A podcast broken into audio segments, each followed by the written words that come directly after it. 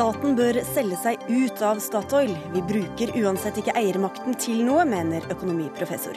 Uaktuelt, svarer Ola Borten Moe. NSB får bare beholde halvparten av pengene de tjener, staten tar resten. Det blir verst for passasjerene, sier Frp. Mindfulness og indre sjelero er ikke løsningen i en tid som skriker etter kollektiv handling, advarer psykolog. Han har ikke forstått noe som helst, sukker mindfulness-instruktør. Og det frie, sterke ord er nesten borte fra den politiske samtalen, ifølge Fritt Ords prisvinner Per Fugelli.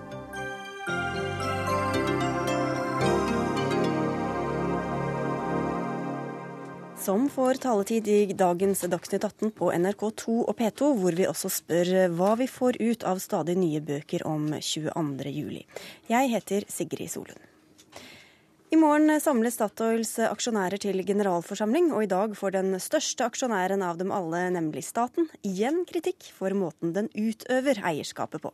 Staten bør selge seg ned fra dagens to tredeler, sier du til Stavanger Aftenblad. Professor i samfunnsøkonomi ved Universitetet i Oslo, Tore Nilsen, hvordan begrunner du det? Jeg eh, er urolig for den uh, usikkerheten oljeprisen utgjør for den norske stat og for skattebetalerne og pensjonsmottakerne i fremtiden. Eh, det er ikke mye vi kan gjøre for det, for eh, vi er jo avhengig av disse oljeinntektene, disse usikre oljeinntektene for å få eh, pensjonsinntekter. Men noe kan vi gjøre. Og jeg, jeg, for meg fremstår det som en god plan å selge seg ned i Statoil. Bruke de milliardene vi vil få på det, til å øke pensjonsfondet ytterligere, og på den måten få sikret fremtiden for skattebetalere enda bedre. Du har flere argumenter på lur også, men før vi går til dem, skal vi høre fra Ola Borten Moe, olje- og energiminister. Du har ikke tid til å være med i debatten, men du har tid til en liten kommentar. Hva sier du? Jeg mener jo at uh, vårt eierskap av uh, Statoil uh, fungerer godt. Og Det er jo en modell for behandlinga av eierskapet som er godt forankra gjennom eierskapsmeldinga og gjennom behandling i Stortinget eh, i flere omganger. Så dette er et punkt som det er bred politisk eh, konsensus eh, om i Norge. At norsk økonomi er eksponert mot oljepris, det er jo ikke noe nytt, men i overraskende liten grad knytta til eierskapet i Statoil. Hvis du tar statens totale petroleumsinntekter, så er det kun mellom 5 og 7 som kommer fra aksjeutbytte til Statoil. Resten tar vi inn gjennom skatter og avgifter og gjennom statens direkte økonomiske eh, engasjement. Så er det sånn at Statoil er et stort og viktig selskap. Det er viktig for det norske samfunnet at det er et uh, selskap som har base i Norge. Utsyn fra Norge. Aktivitet, forskning, administrasjon og økonomi her. Det er det bred enighet om. Og Det er jo et selskap som representerer kritisk infrastruktur og kritiske verdier for oss. Så at staten har et tungt og eh, eh, et tungt og profesjonelt eierskap, det mener jeg er helt naturlig og helt eh, nødvendig. Så når statens representanter dukker opp på generalforsamlingen i morgen, kommer de til å sitte ganske stille? Vi har gått gjennom eh, dagsordenen på generalforsamlinga på vanlig vis, eh, og i tråd med de prinsippene som eh, Stortinget har gitt sin tilslutning til eierskapsmeldinga, og kommer til å stemme etter det. Det er ikke det samme som at det er Statoil som bestemmer hva vi skal stemme og hva vi skal gjøre. Og Det er ikke lenge siden vi hadde en protokolltilførsel knytta til f.eks. eier, eh, nei, f.eks. Eh, lønnsutviklinga i ledergruppa. Men eh, det er også veldig tydelig hva staten skal gjøre som eier, og hva vi ikke skal gjøre som eier.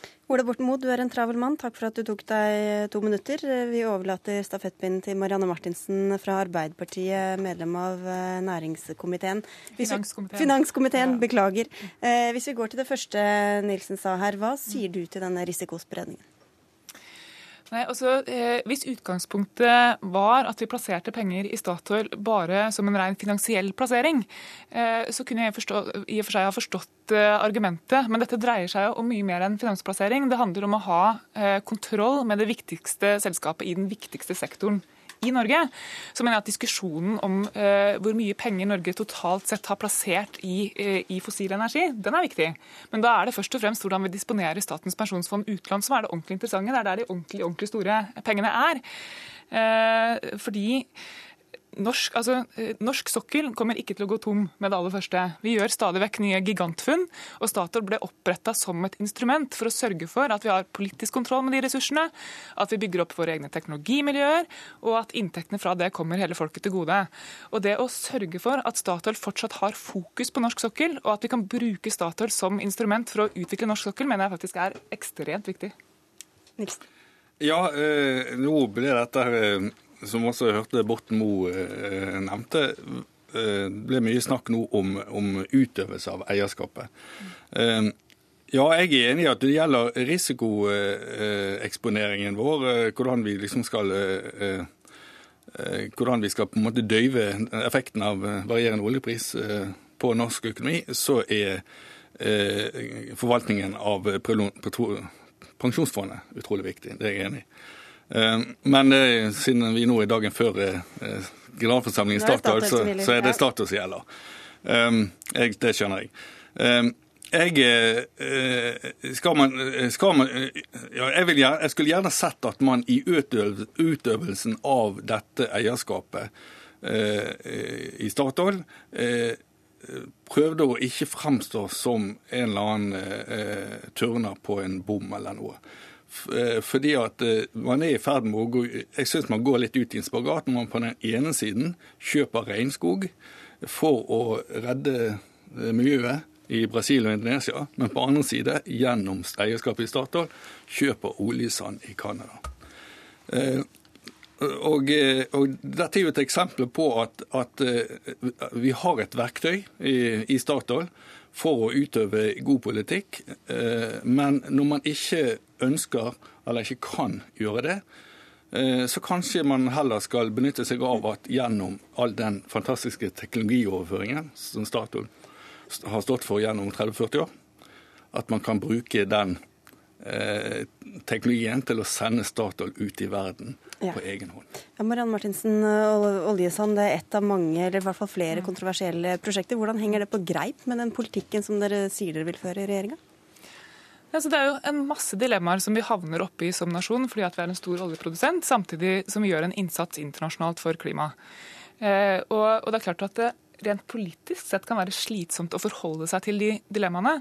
Men i den grad det finnes et gap mellom hva Statoil foretar seg internasjonalt og våre internasjonale klimamålsettinger, så klarer ikke jeg å se at svaret på det skal være at vi selger oss ut for å slippe ansvaret. Altså, hva, med, hva, med, litt mer aktivt eierskap, da, for å slippe det slitsomme politikeransvaret?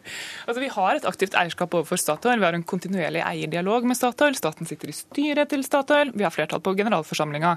Og våre forventninger til Statoil som selskap kommuniserer diskuteres jo hele veien i den dialogen. Og jeg tror f.eks. det at selskapet fortsatt har en tung norsk forankring, hovedkontor i Norge, at man har tung FoU-aktivitet, det at eh, Statoil fortsatt har tungt fokus på, på norsk sokkel istedenfor å bare løpe utenlands etter attraktive prosjekter der, er et resultat av at man har politisk kontroll eh, med selskapet, og det mener jeg er viktig. Men, men hvor mye lytter de da? Altså, hvis, hvis, dere ikke hever røsten på disse, disse punktene, altså f.eks. på oljesand, når skal dere da gjøre det? Det er, noe, det er, ikke noen hemmelighet at det foregår en diskusjon om hvorvidt Statoil bør være aktiv i oljesandprosjekter eller ikke.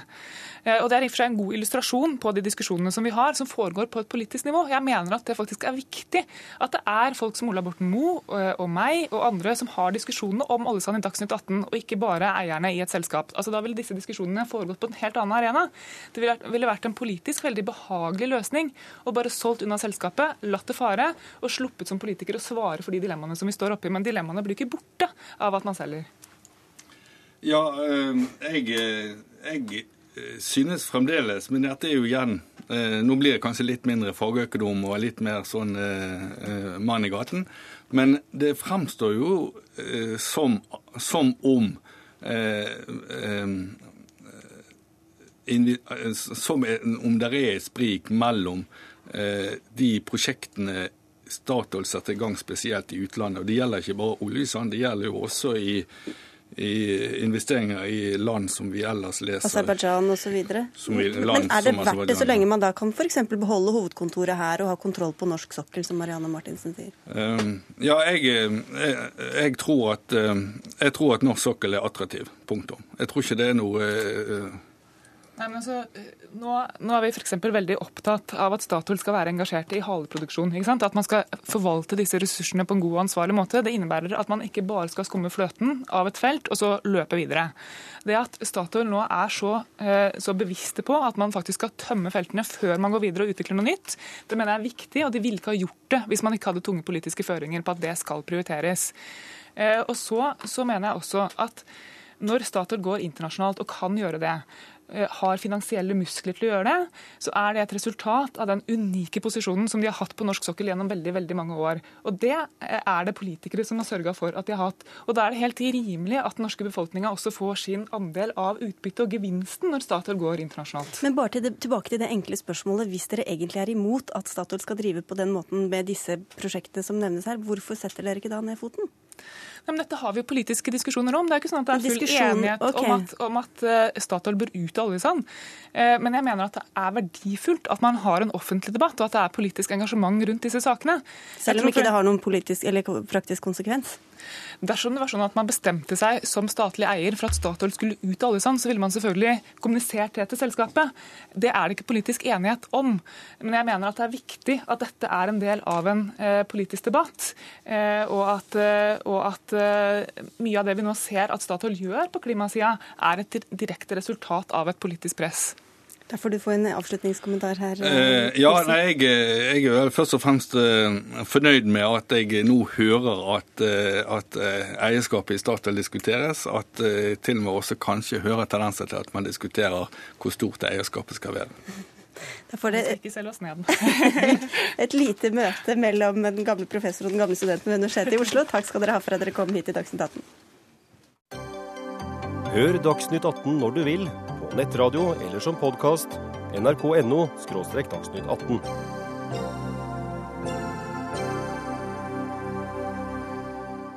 NSB får bare beholde halvparten av pengene det tjener.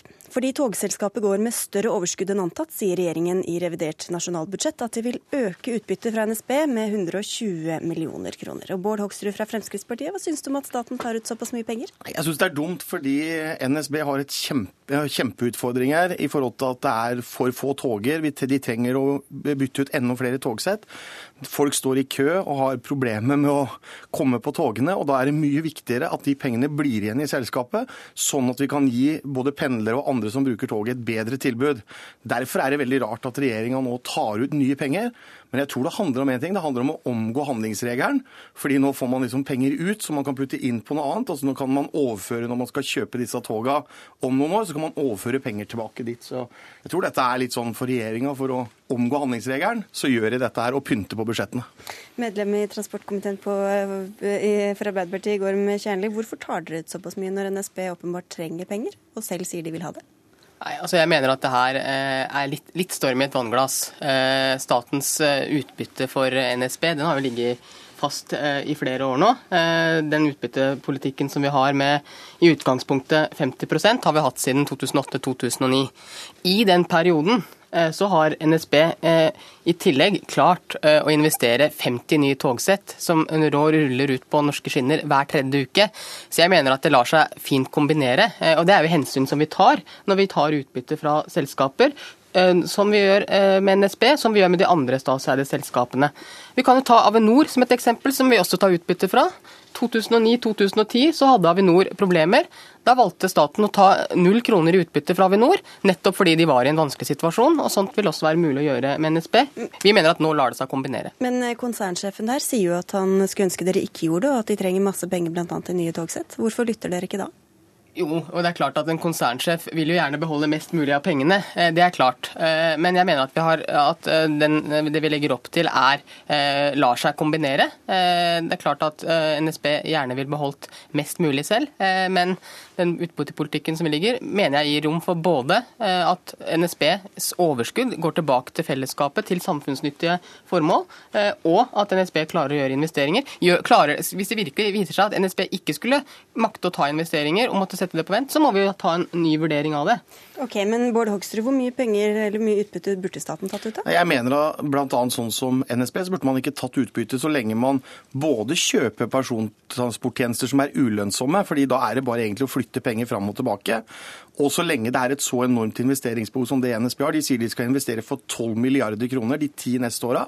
Hvis de hadde fått beholde utbyttet sitt, så hadde de hatt 6 milliarder kroner mer eller 3 milliarder ekstra, da, for de ville hatt de 3 milliardene som de får lov å, eller de 300 millionene hvert år, som betyr 3 milliarder på ti år. Men det betyr 6 milliarder, og de trenger 12 milliarder for å investere i nye toger. Så Derfor skjønner jeg ikke logikken til regjeringa, at man nå skal ta ut for seinere og sannsynligvis måtte putte inn nye penger. Jeg skal få svare på det, Men hva med deres egen logikk, da? Dere har jo også veldig mye gode formål dere vil bruke penger på. Hvorfor ikke sørge for å få litt penger inn som skal finansiere det? Jo, men, og Det handler jo om hvordan man bruker det totale inntektene som staten har. Vi har altså gikk bare i fjor med 380 milliarder kroner i overskudd. Skal alt komme fra oljefondet, da? eller? Nei, og det kommer fra oljeinntektene og, og overskudd på statsbudsjettet. Så 380 milliarder kroner, det betyr at vi kan gjøre ganske mye. Men utfordringa vår er at både Gorm Kjernli, regjeringa og Fremskrittspartiet alle er enige at vi ønsker å flytte flere folk over på kollektiv. Da må vi sørge for at det tilbudet er skikkelig godt.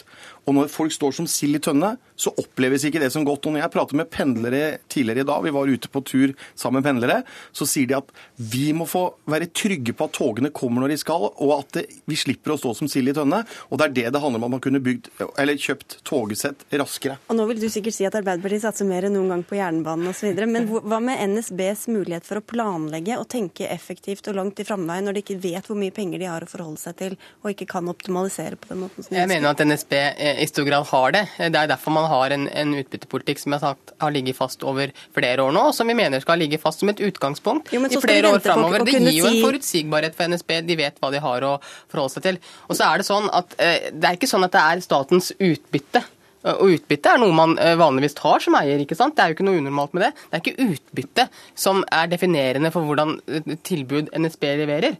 Altså, Vi bruker eh, milliarder kroner i året på å kjøpe eh, togtjenester, eh, offentlige togtjenester av NSB, ulønnsomme togtjenester. Det er tigangen så mye som det vi tar i utbytte. Det er jo det som er med på å, å i stor grad definere hva slags tilbud NSB skal gi. Jeg er helt men, men, enig med Bård, vi trenger et mye bedre togtilbud. Men, men, det er nettopp derfor jeg mener at dette er tullete. Fordi NSB er ikke som et alt hvilket som helst annet selskap.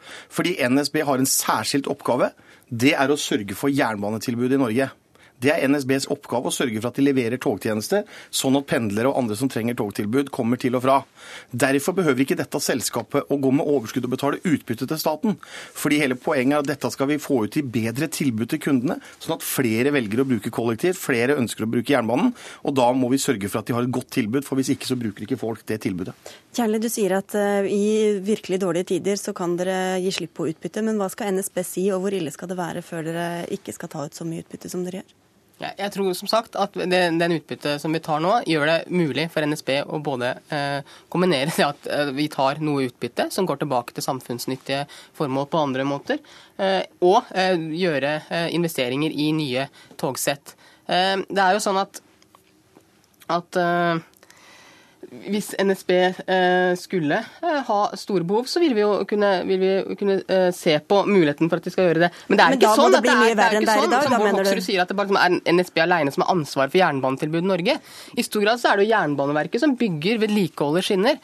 Og der, som programlederen var inne på, så har vi jo tidenes togsatsing med denne regjeringa.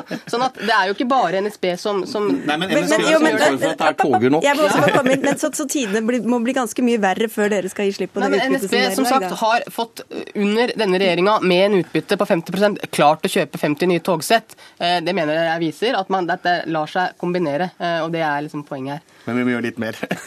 Det er viktig, og derfor bør, bør de beholde selskaps- eller skatten. Takk skal dere ha for at dere kom til Dagsnytt 18, Bård Hoksrud fra Frp og Gorm Kjærli fra Arbeiderpartiet.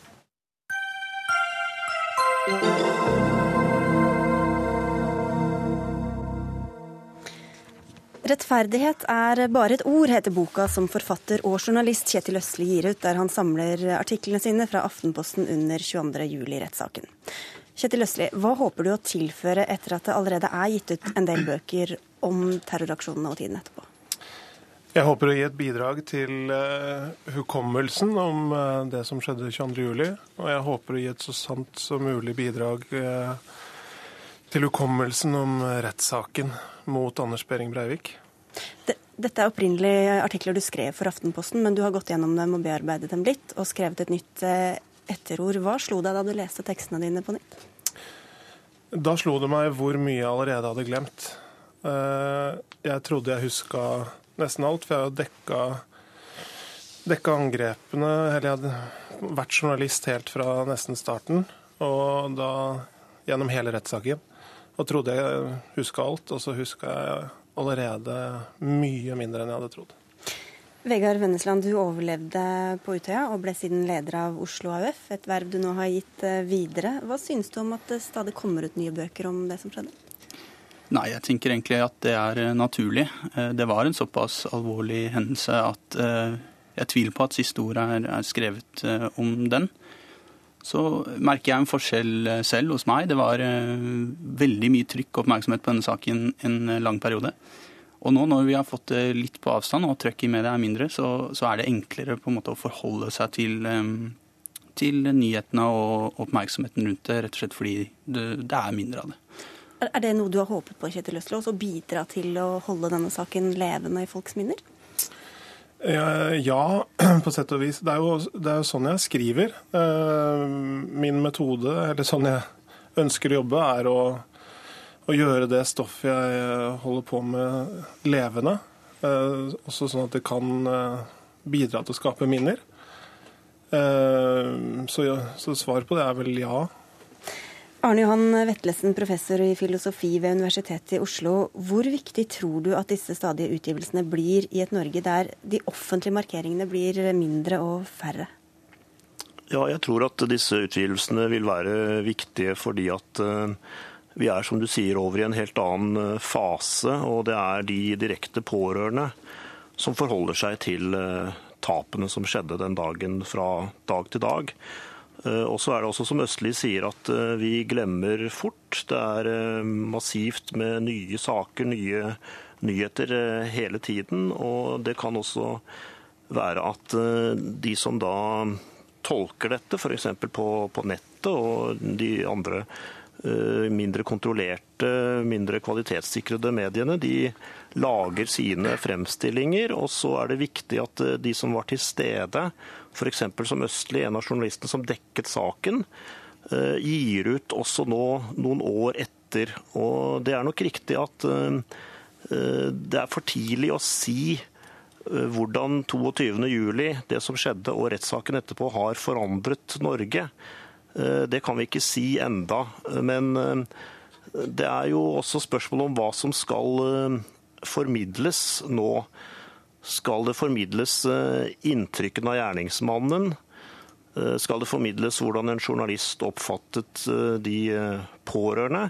Eller skal vi nå forsøke å bruke den avstanden som vi har, da nesten to år, til å ta et, et større skritt vekk og få større distanse og, og formidle noe, noe mer? Eh, det vet jeg ikke om Østli er inne på i dette nye etterordet, men det kunne være interessant å høre. Det er vel ikke akkurat det du skriver om, eh, Kjetil Østli, men du har kanskje noen tanker om det? Jo, altså jeg, jeg, prøver jo eh, Jeg er helt enig i det Vettelsen sier. Jeg, jeg, jeg, prøver jo også på det i, i, disse kapitlene. Det er jo hele tiden en sånn vandring fra observasjoner i retten og så oppover til tanker om det man ser og hører, og hva det kan si noe om. Eh, så jeg, så jeg prøver jo på det, prøvde jo på det allerede da, og har kanskje forsøkt enda mer nå i bearbeidelsene. Men eh, jeg er helt enig i at den tidens, eller årenes distanse, eh, gjør det lettere og lettere og viktigere. Vegard Vennesland, i likhet med mange andre som ble personlig berørt, så er dette sikkert noe dere ikke trenger å minnes om. Men hvor viktig syns du det er at det kommer nye utgivelser som holder dette levende også i det offentlige rom? Det som i hvert fall er viktig, er at vi ikke glemmer hva dette handla om. Og det var et angrep på helt fundamentale verdier i det norske samfunnet. Eh, på, på frihet, på, på, menneskeverd eh, og for likhet for alle. Og et angrep på, på, de verdiene som gjør at jeg ble politisk aktiv og engasjert liksom på samholdet og, og på fellesskapet. Sånn at det må vi bare ikke glemme. Og det var ikke tilfeldig som ble angrepet. og vi, vi, minnes kanskje litt om det, men det er, det er fort å glemme det. Men, men, bare nå, i Tyskland, så rulles det jo opp sant, eh, en rettssak med nazister som uh, høyreekstreme som har drept innvandrere fordi nettopp de ikke vil akseptere at det fins multikulturelle i samfunnet.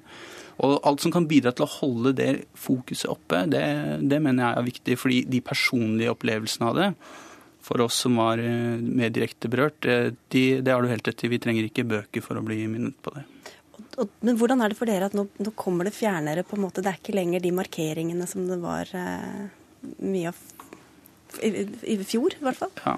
Nei, det er jo på en måte litt, eh, litt rart, eh, litt godt. Eh, vi tror, i hvert fall følte jeg, at vi var veldig offentlig med vår sorg og vår bearbeidelse av det som skjedde. Så det er litt deilig å, å få en litt mer personlig forhold til det. Samtidig så var det utrolig flott og deilig å kjenne på det fellesskapet som vi gjorde på rosetogene, enten det var rett etter 22. juli eller på ettårsmarkeringen. Og det, det, fellesskapet var jo så utrolig viktig. Det viste at de idealene som ble angrepet, eh, seiret til slutt. Så det var en viktig del av bearbeidelsen. Eh, og så er det nå eh, hva skal vi si, en litt annen type vi, vi går i møte nå denne sommeren. nå. Eh, ja, Kjetil Øsle, bare for å ta litt ditt prosjekt også. Det var å ta tak i noen av de ordene og, og, som, som, du mente ble tappet litt for mening, altså de store ordene. Hvordan ville du komme bak det som du opplevde som en mur av ord som ikke ga noen mening lenger? Uh, det uh, Ja, det er flere, flere måter. Men uh, jeg forsøker hele tiden å Altså hvis, hvis jeg f.eks.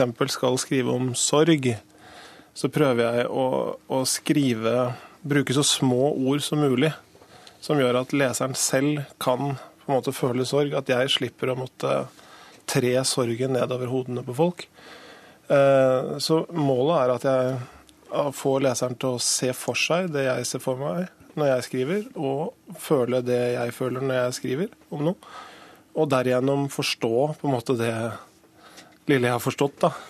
Eh, så Det er litt av målet. Å alltid stoppe opp hvis man bruker et stort ord som eh, vi må ha mer verdighet, eller eh, dette er en seier for rettsstaten. Altså Med en gang det er noen sånne store ord på, på gang, så syns jeg man skal stoppe litt opp og finne ut hva som ligger bak. Vennesland, dere hadde litt kontakt under rettssaken. Hvordan var det å lese det Østli skrev? Nei, eh, jeg syns det er greit nå. Altså, nå har vi fått det litt på avstand. og sånt. Det var mye jeg tenkte jeg erget meg over over journalister under den rettssaken, men vi må ikke glemme at det var mye flott som ble skrevet også. Og at de som hadde en litt, litt større avstand til det enn en vi og jeg som var direkte berørt, de, de, klarte også av og til å sette ord på, på følelser og på en tilstand som, som i hvert fall jeg da, sleit med å, å finne ordene til sjæl. Sånn at eh, det var ofte, eh, ofte, befriende å kunne lese eh, kommentarer som Kjetil Sinna og, og andre, som, som, virkelig evnet å ja, ta de store, kanskje store ordene, gi de gjøre de litt enklere og, og, fylle de litt med mening. Og Det var det mange som gjorde den tiden. Enten det var journalistene eller det var på en måte de offentlige personene i tiden etterpå som snakket om Bare sa det nakent og ærlig at dette er urettferdig. At folk må gå gjennom det de må gå gjennom fordi de har mistet sin nærmeste. og, og litt, Det var noe i hvert fall jeg personlig satte veldig pris på. Hva syns du, Vettelsen, eller hvilke tanker gjør du deg om de store ordene som ble brukt eh, i, i etterkant av 22.07? Ja, det ble jo brukt noen veldig store ord eh, rett etterpå, altså slik som kronprinsen. Kjærlighet fyller gatene i forbindelse med rosetoget. Så sa jo kongen veldig klokt eh, etter en måned at nå er nesten alle ordene brukt opp. Jeg tenker vel at det ikke er eh, om å gjøre å finne det ene ordet, eller den ene stemningen eller følelsen eller reaksjonen som skal fange oss alle, eller som skal fange kjernen i fenomenet. Eh, på en måte så er det jo snakk om ulike faser av et, et sorgarbeid individuelt og, og, kollektivt. Eh, på den annen side så kan det være snakk om å forholde seg da, i og med at kjerningsmannen eh, ble dømt som tilregnelig, og forholde seg til dette at det var en handling som kunne skje i, i det fredelige Norge, og med en politisk vilje, med et politisk motiv bak. Vi var jo forberedt på, uforberedt på begge deler. Både at det kunne skje den type massedrap i Norge, og at det kunne ha en politisk, ideologisk begrunnelse. Og vi må vel også for noe tredje da, forholde oss til da at gjerningsmannen i dette tilfellet neppe kommer til å vise noen anger eh, noen gang. Og det er jo også et spørsmål om eh, å komme videre da, også som eh, nasjon. Jeg tenker vel at hvis det aldri er noen tegn på, på anger og, og det å, å, tenke annerledes om å ha gjort dette, så kan det også forvanske sorgarbeidet, i hvert fall i retning av en type forsoning eller tilgivelse. og Slik sett så blir brodden stående. Kjetil Øsle, Det var jo en stor oppgave du tok på deg, da, å bidra til den kollektive hukommelsen og gå bak de store ordene. Hva fikk deg til å tørre å tenke at uh, dette her er jeg er rett mann på Det er hallingdøren i meg som snakker.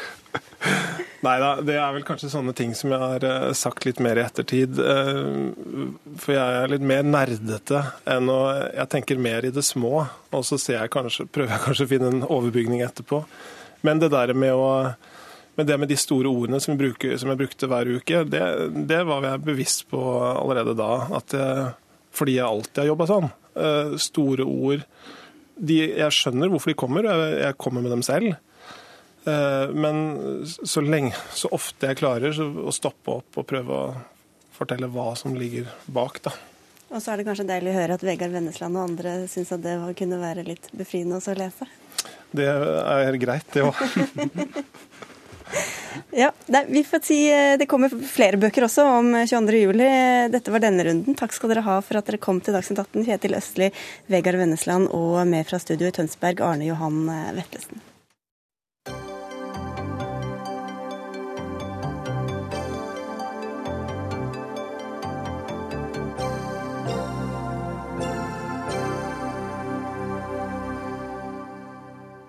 Regjeringa fant 750 millioner kroner til å redde skogindustrien i det reviderte statsbudsjettet. Samtidig klarte den bare å rote fram 5 millioner ekstra til å redde selve skogen. Og det syns du er pinlig lite, generalsekretær i WWF, Verdens naturfond Norge, Nina Jensen. Hvorfor det?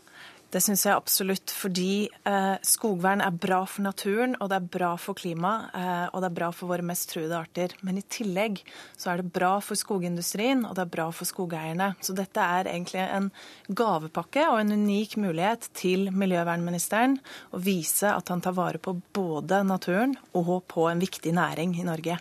Men hvorfor gjør han ikke det med de pengene som er satt av, da? Nei, altså man setter av en krisepakke til eh, skognæringa på 750 eh, millioner. Eh, og så bevilger man da stusslige 5 millioner til skogvern. Og vi er jo forundret over at man ikke benytter muligheten til å sette av etterslepet, som ville være på 150 millioner til skogvern. Vi skal slippe til Miljøverndepartementet, men først til alle som ikke er helt inne i skogvern. Hva er det disse pengene skulle ha gått til? Det er en lang rekke med skogeiere over hele landet som har satt av skogen sin, eh, eller tilbudt den, til vern, såkalt frivillig vern.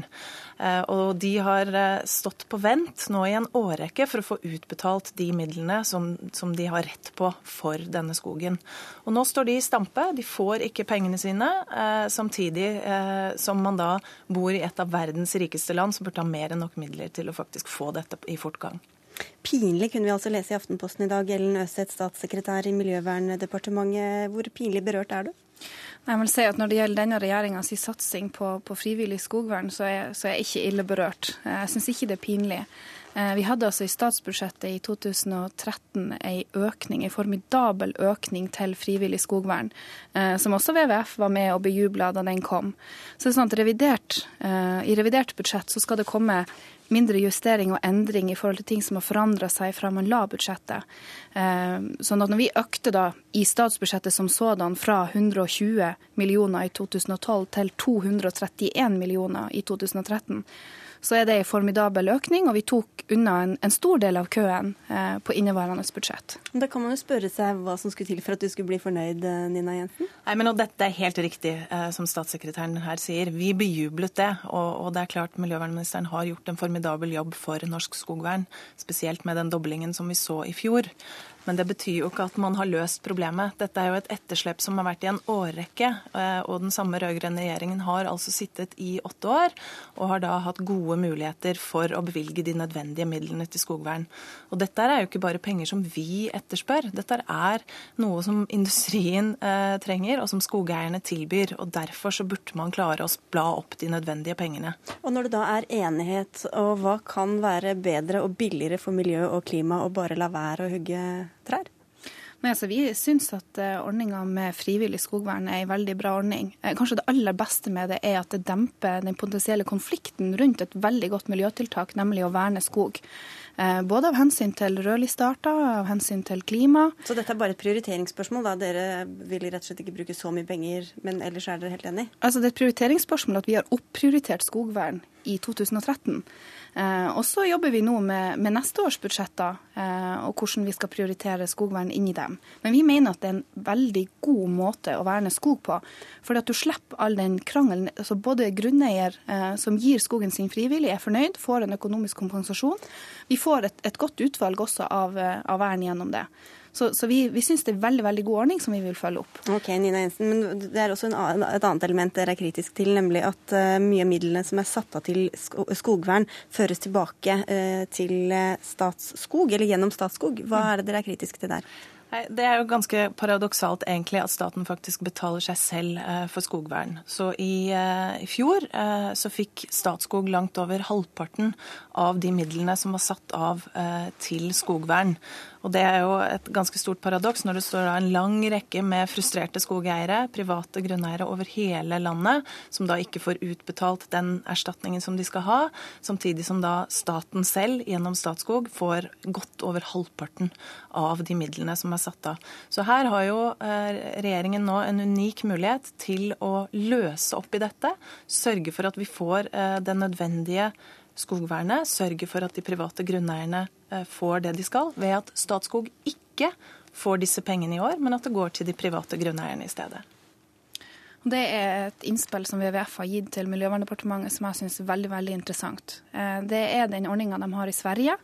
Eh, der betaler man ikke for frivillig vern av, av statens egen skog. da. Eh, det er et veldig interessant eh, innspill som vi ganske nylig har fått fra WWF, og vi vil, vil, se på det, eh, om det er mulig. Men det er jo sånn at det fortsatt er en kostnad forbundet ved å verne statens egen skog. Så det er ikke noe som man over bordet kan si at det gjennomfører vi. Men det er et veldig godt innspill. For ikke å snakke om at dere har to andre partier dere også må få med på laget hvis SV skulle gå inn for det? Ja, Det ville være regjeringa som må gå inn for det hvis det skal bli en realitet. Det er åpenbart. Takk skal dere ha, Nina Jensen fra WWF og Ellen Øseth fra Miljøverndepartementet for at dere kom til Dagsnytt 18.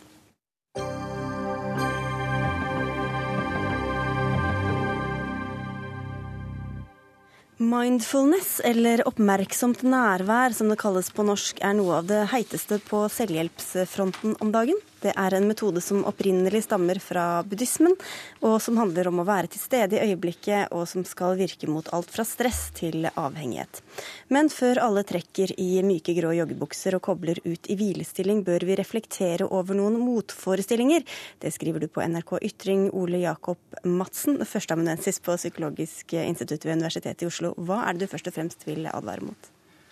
Ja, eh, Advare er kanskje et sterkt ord, da, men eh, det jeg stiller spørsmål med i kronikken, da, er om eh, mindfulness, som skal gjøre oss mer våken til stede, faktisk bare kan sløve oss ytterligere i noen eh, henseende.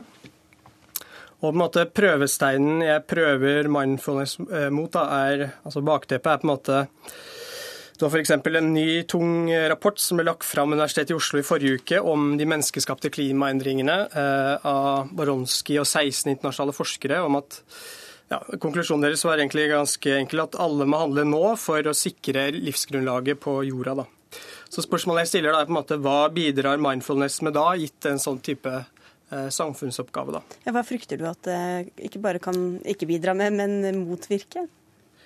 Eh, ja, eh, I kronikken altså jeg kan ta et eksempel, sier et, et sitat fra en av de mer, eh, mest populære mindfulness-bøkene på det norske markedet, som heter 'Stress'. Jeg kan bare eh, lese opp kort eh, hva det står der. Ehm, jorden er en stor stresskule. Verden koker mens millionbyer vokser og fattigdommen øker. Hvor skal vi gå hvis ikke vi ønsker å rømme og heller ikke vil bli dratt inn i heksegryten? Det eneste vi kan gjøre, er å gå innover. Så Det som er Poenget mitt er liksom denne skal skal si, iboende fatalismen eller skjebnetroen. Det at vi ikke får gjort noe med ytre betingelser, men du kan gjøre noe med innstillingen. Eh, ting, da, om det... At det gjør oss passive? Ja, at det kan gjøre oss passive. og gjøre oss da, eh, At vi slår oss til ro med å la ting være som de er. Som John Kabat-Zinn skriver, da, en av de mest sånn, populære mindfulness-forfatterne. da. Ivar Wæler, du er sosiolog ved Universitetet i Oslo og mindfulness-instruktør. Grå, myke joggebukser og selvtilfreds aksept, eh, er det mindfulness? Nei, det er eh, ikke mindfulness. Eh, jeg må først si at jeg syns det er veldig fint at Madsen her retter et kritisk søkelys mot mindfulness-bølga som slår innover landet. Fordi den er kraftig. Så det, det er veldig viktig. Men når han skal gjøre det, så tenker jeg at vi må ha noen forutsetninger på plass. Og det ene er Ettersom Madsen sjøl er førsteamanuensis ved Universitetet i Oslo, Psykologisk institutt, så må vi forutsette en, et snev i hvert fall av etterrettelighet og presisjon når det gjelder mindfulness. Det å gå inn da i en sånn en stereotyp eh, rett og slett misforståelse som at dem som holder på med mindfulness, som sitter i joggebuksen sin og inntar hvilestilling. Altså Hvile kan være en konsekvens av det å praktisere mindfulness, men det kan også være særdeles krevende. Det er det første. Men der hvor det begynner å bli litt grovt og begynner å dra på litt i misforståelsen, det er der hvor han sammenstiller mindfulness med det å fjerne seg fra virkelighet. Hvor han da bruker et eksempel som at rusmisbruk å fjerne seg fra virkeligheten gjennom det, det er ikke moralsk uh, særlig vel ansett. Men det å fjerne seg fra virkeligheten gjennom å praktisere mindfulness, det er greit. Og da er vi ute og sykler, fordi det, det er jo så langt unna mindfulness som vi kan komme. Det handler mer om å forholde seg til virkeligheten og være i virkeligheten. Men hvor opptatt blir man av verdens urettferdighet når man stadig skal kjenne etter i seg selv og hvile i sin egen kropp og sinn? Vi kan gjerne snu litt på det. Hvor opptatt av verdens urettferdighet er vi hvis vi er fullstappa av stress og masse tanker som fyker og masse impulser vi får fra det samfunnet nå som går i i veldig veldig høyt tempo. Så da kan vi begynne å snakke. Så jeg, jeg tror at det kan være en god forutsetning. Og nå, nå vet jo jeg det er, etter jeg snakka litt med herr Madsen i forrommet her, at han også har lest 'Orkanens øye'. Han siterer fra noen bøker her, men når han leste den, så var det også en liten passasje der 'Hvilket samfunn ønsker vi å bidra til?' Og det er ganske vesentlig. Så jeg, jeg følger Madsen 100% på det. At uh, noen kollektive handlinger, det kan være nyttig i samfunnet. Og samtidig selvfølgelig er det OK med programerklæringer som bygger på politisk konsent. Jeg regner med at dette er en sånn mindfulness-bok, så du har i hvert fall gjort noe research. Men hva svarer du på kritikken om at du ikke har skjønt hva det handler om? Eh, ja, eh, det kommer kanskje ikke klar, helt klart fram i, eller så godt fram i kronikken. Men altså det er på en måte ikke si, buddhismen eller mindfulness i seg selv jeg kritiserer, men hvordan vi importerer den i den vestlige selvhjelpskulturen. Og uh, Det ser ut som for meg at vi på en måte bare beholder en liten del av det, nemlig det som angår oss selv, mens på en måte det etiske, sosiale ansvaret om man skal si, gå ut igjen i samfunnet som ligger i buddhismen, uh, forsvinner ut. Så Buddha, som opprinnelig var en sosial reformator som kritiserte kastesystemet i India f.eks., blir redusert til å bli en psykolog som blir på en måte en garantist for feel good. altså. Og da tenker jeg at da mister vi fort av syne at vår egen selvrealisering, eller sjelero, da, eh, forutsetter et noenlunde intakt samfunn og et miljø. altså Vi ser på en måte ikke den, den koblingen der. da. Og altså, eh, Jeg tror vi lurer oss selv litt hvis vi tenker på dette på en måte som bare en sånn type østlig kollektivisme. fordi Eh, I en av bøkene av Kabat-Zinn f.eks. så er det eh, den fremste, fremste referansepunktet er eh, Henry David Thoreau, han som har skrevet 'Walden Pond', som er en av de store amerikanske individualistene. Og i min motdebattant sin bok da Orkanens øye. Alle har lest disse bøkene. Ja, er det, men det er veldig interessant, fordi det er, det er, en referanseliste på ni referanser, og det er bare én forfatter som er referert til der to ganger, og det er Ayn Rand. Uh, som på en måte regnes som en sånn, skal jeg si, uh, ultraindividualist, eller altså ytterliggående individualist. Og på en måte det, det, viser bare for meg da altså det er helt, helt greit, men det viser bare for meg da på en måte at dette blir noe helt annet når vi får det på en måte i tapningen av selvhjelpskulturen. Uh, den, det atomistiske verdensbildet som Madsen beskriver, altså setter mindfulness inn i, det, det er jo fullstendig i krasj med hva, hva mindfulness handler om. Altså det er jo et særdeles helhetlig perspektiv. Hva gjelder Ayn Rand-referansen, så var det en eh, kuriositet som jeg likte å ha med, nettopp fordi hun hater eh, det motsatte, altså hun hater buddhisme. Så derfor syns jeg det var spennende. Men skjønner du poenget, tar du poenget med at vi liksom tar deler av det, det som passer for oss, i stedet for å tenke på hvordan vi kan eh, bruke det for samfunnets gode, da? Det tror jeg vi skal gjøre. fordi hvis vi hadde tatt det som si de østlige, de som er profesjonelle på det her, som er i kloster, hvis vi hadde tatt dømmes tankegods og tatt det fullt ut, så hadde vi ikke fått de effektene som vi kan få i det vestlige samfunnet ved å bruke mindfulness. Så vi er nødt til å tilpasse, og det tror jeg vi skal være glad for. Det jeg vil være med å bidra til da eventuelt, er å komme fram til si, felles forståelse som kan gjøre at vi kan benytte oss av dette på en hensiktsmessig måte. Og Der tror jeg nok både Madsen og jeg kan være enige om at det kan være ålreit. Til slutt, du skriver at det er når de vitenskapelige og terapeutiske motforestillingene er minst opplagte at de ideologikritiske varsellampene bør blinke. Og det, det har de ikke gjort etter din mening, eller?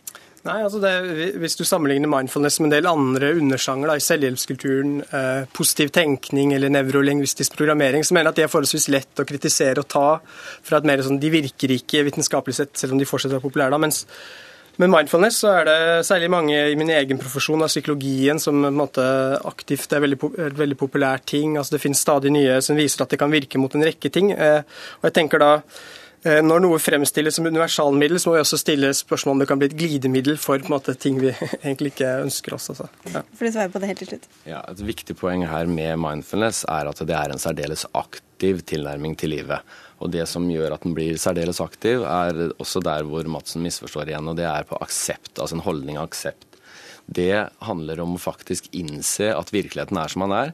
Og så er det da det mer eksistensielle i det. Så er det opp til den enkelte å ta valg, og det er valgbasert. Så det, det handler om å delta i samfunnet, ikke fjerne seg. Fordi da hadde vi kjørt den østlige helt ut. Da hadde vi gått i kloster, men vi lever i verden, i dette samfunnet, og da funker det. Du får ta et lite kurs på vei ut døra. Takk skal dere ha for at dere kom inn av den. Ole Jakob Madsen ved Psykologisk institutt, og Ivar Wæler, sosiolog fra også samme universitetet i Oslo.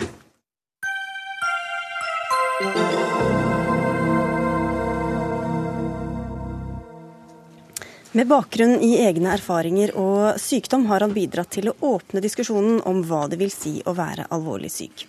Med klokskap og raushet har han rettet oppmerksomheten mot vår frykt for å snakke om døden og fortrengningen av den.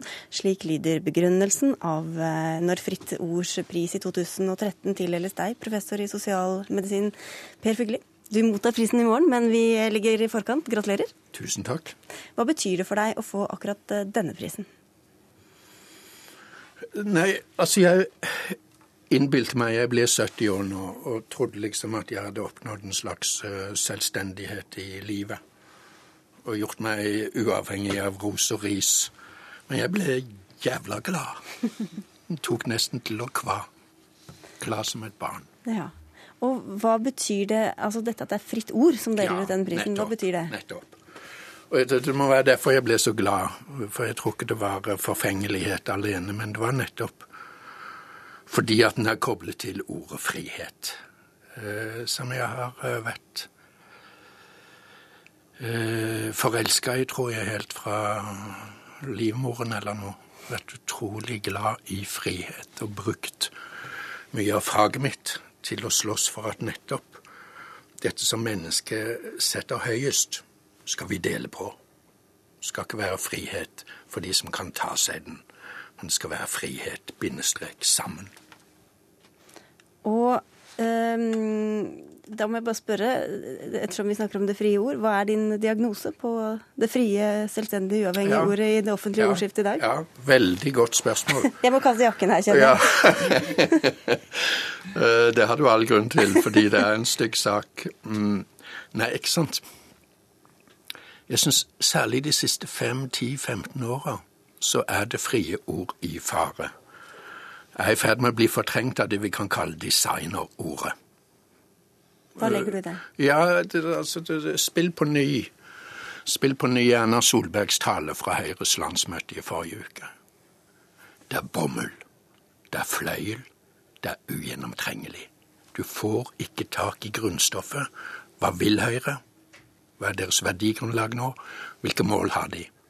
Hvor er forskjellene eh, i forhold til sosialdemokratiet, f.eks.?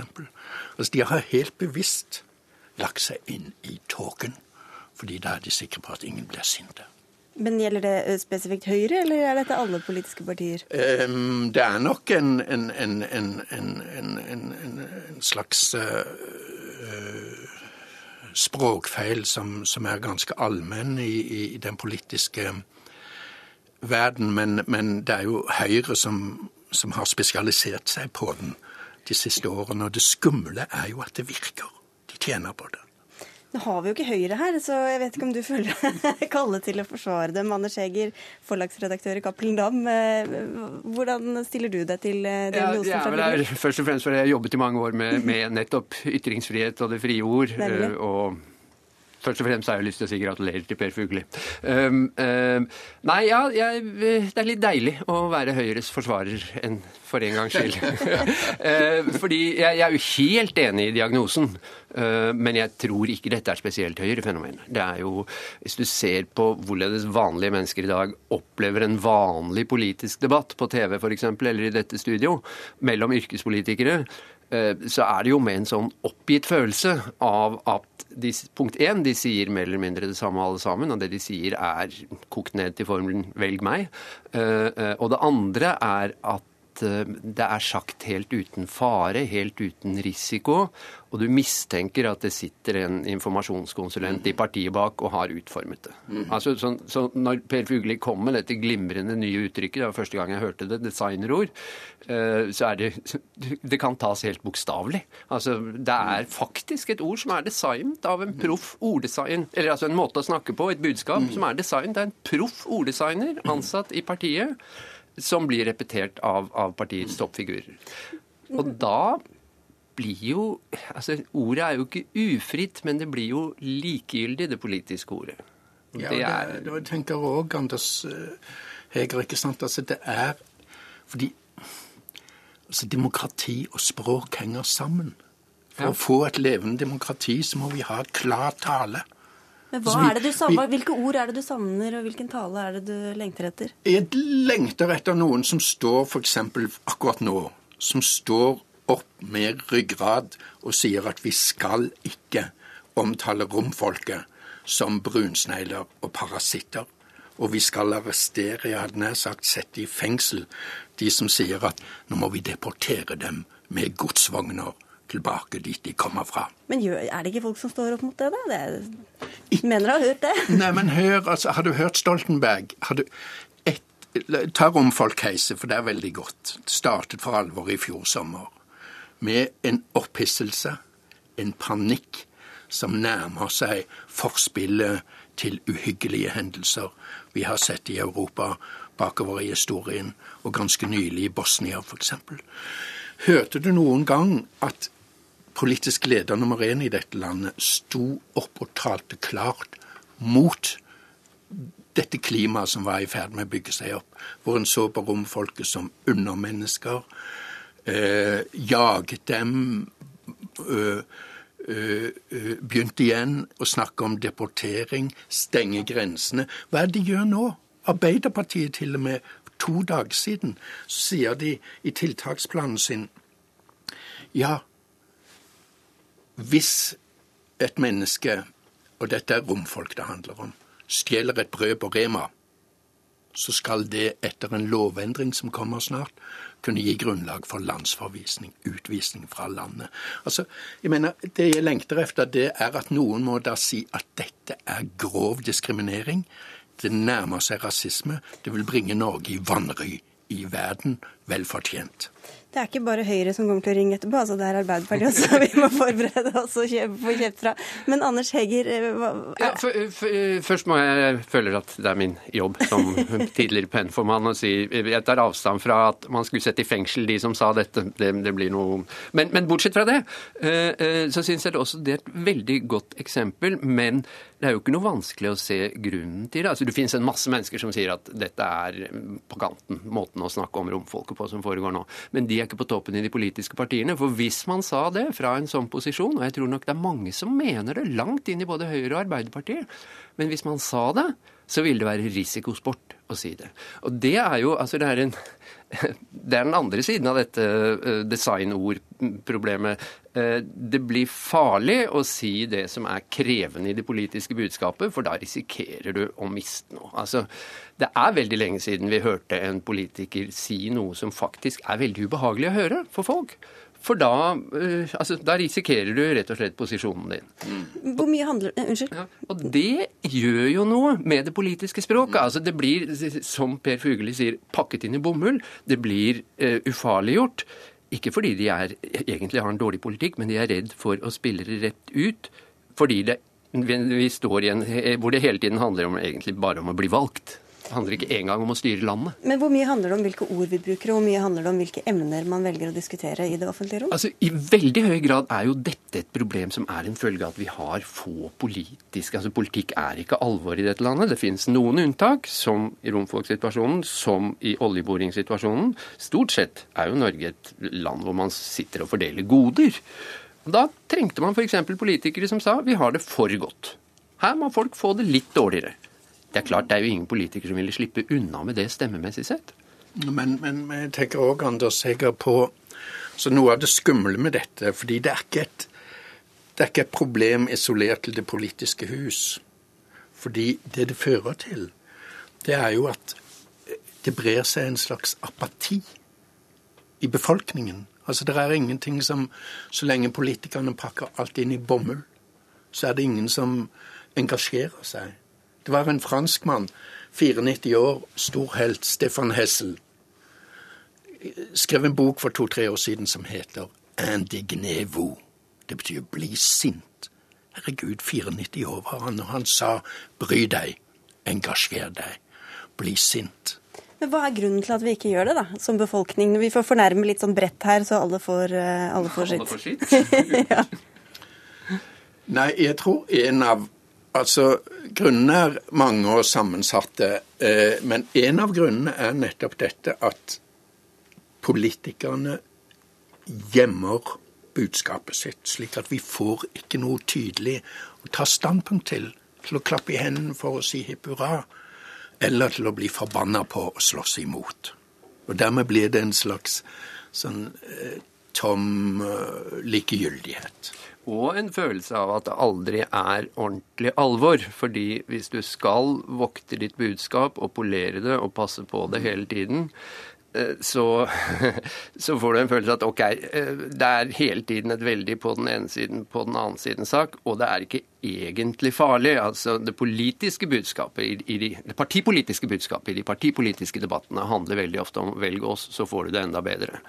Eh, men, men, denne følelsen av at det er en risiko forbundet med det, det er, det er en fare. altså Du velger bort noe. Du får det på det punktet. altså eh, Jeg har studert 50-tallet ganske nøye, og da er det jo veldig tydelig når politikerne sier hvis du velger oss, så får du høyere skatt med mer goder. Eller så sier de nei, hvis du velger oss, så får du lavere skatt, men litt mindre offentlig. Nå sier alle du får alt. Men det er, er, det så svart uh, som dere sier? Altså, vi har jo en, uh, et parti for eksempel, som sier at jo, asylbarn må ut av noe du sikkert vil være uenig i. Og på Høyres landsmøte hadde de en grunnleggende debatt, uh, abortdebatt. Så ser, ser, du nyansene, Per Fugli, eller er du bare så sinna at det ser svart? Nei, bevar meg vel. Med velvilje kan du se noen små nyanser i grått og blått. Men, men det, jeg føler på mange måter at det er et ganske uærlig spill som bringer politikk i vanry, og som er en fare for demokratiet. Det skal jo sies at uh, Fugelis uh, favorittprygelknabe, Fremskrittspartiet, faktisk på én måte representerer et unntak her, fordi de er befriende tydelige, eller i hvert fall var. Nå er jo de også blitt et mainstream-parti. Og det er klart, dette er noe av suksessoppskriften. Men, men, det er jo ingen, ingen, norsk politiker som ville tørre å si noe i nærheten av Churchills 'det eneste jeg har å gi dere, er blod, svette og tårer'. Dette blir pokkers ubehagelig. Men til gjengjeld, det var en av de mest politiske talene som er holdt noen gang. Og det, det er her Fugelis prisvinning er så usedvanlig fortjent fordi han bringer engasjementet tilbake i den offentlige samtalen. Det var noen som ville ha deg som partilederutspørrer på NRK til høsten, men nå fikk dere i hvert fall være politiske kommentatorer her i Dagsnytt 18 i stedet. Trivdes dere med rollen? Vi må takke dere av. Mm -hmm. Takk skal du ha. Takk for at dere kom, Per Fugelli og Anders Heger, for Dagsnytt 18 er over for i dag. Ansvarlig for innholdet var Siri, hadde, var Siri Storstein Hytten, teknisk ansvarlig Lisbeth Sellereite, og jeg heter Sigrid Elise Solund.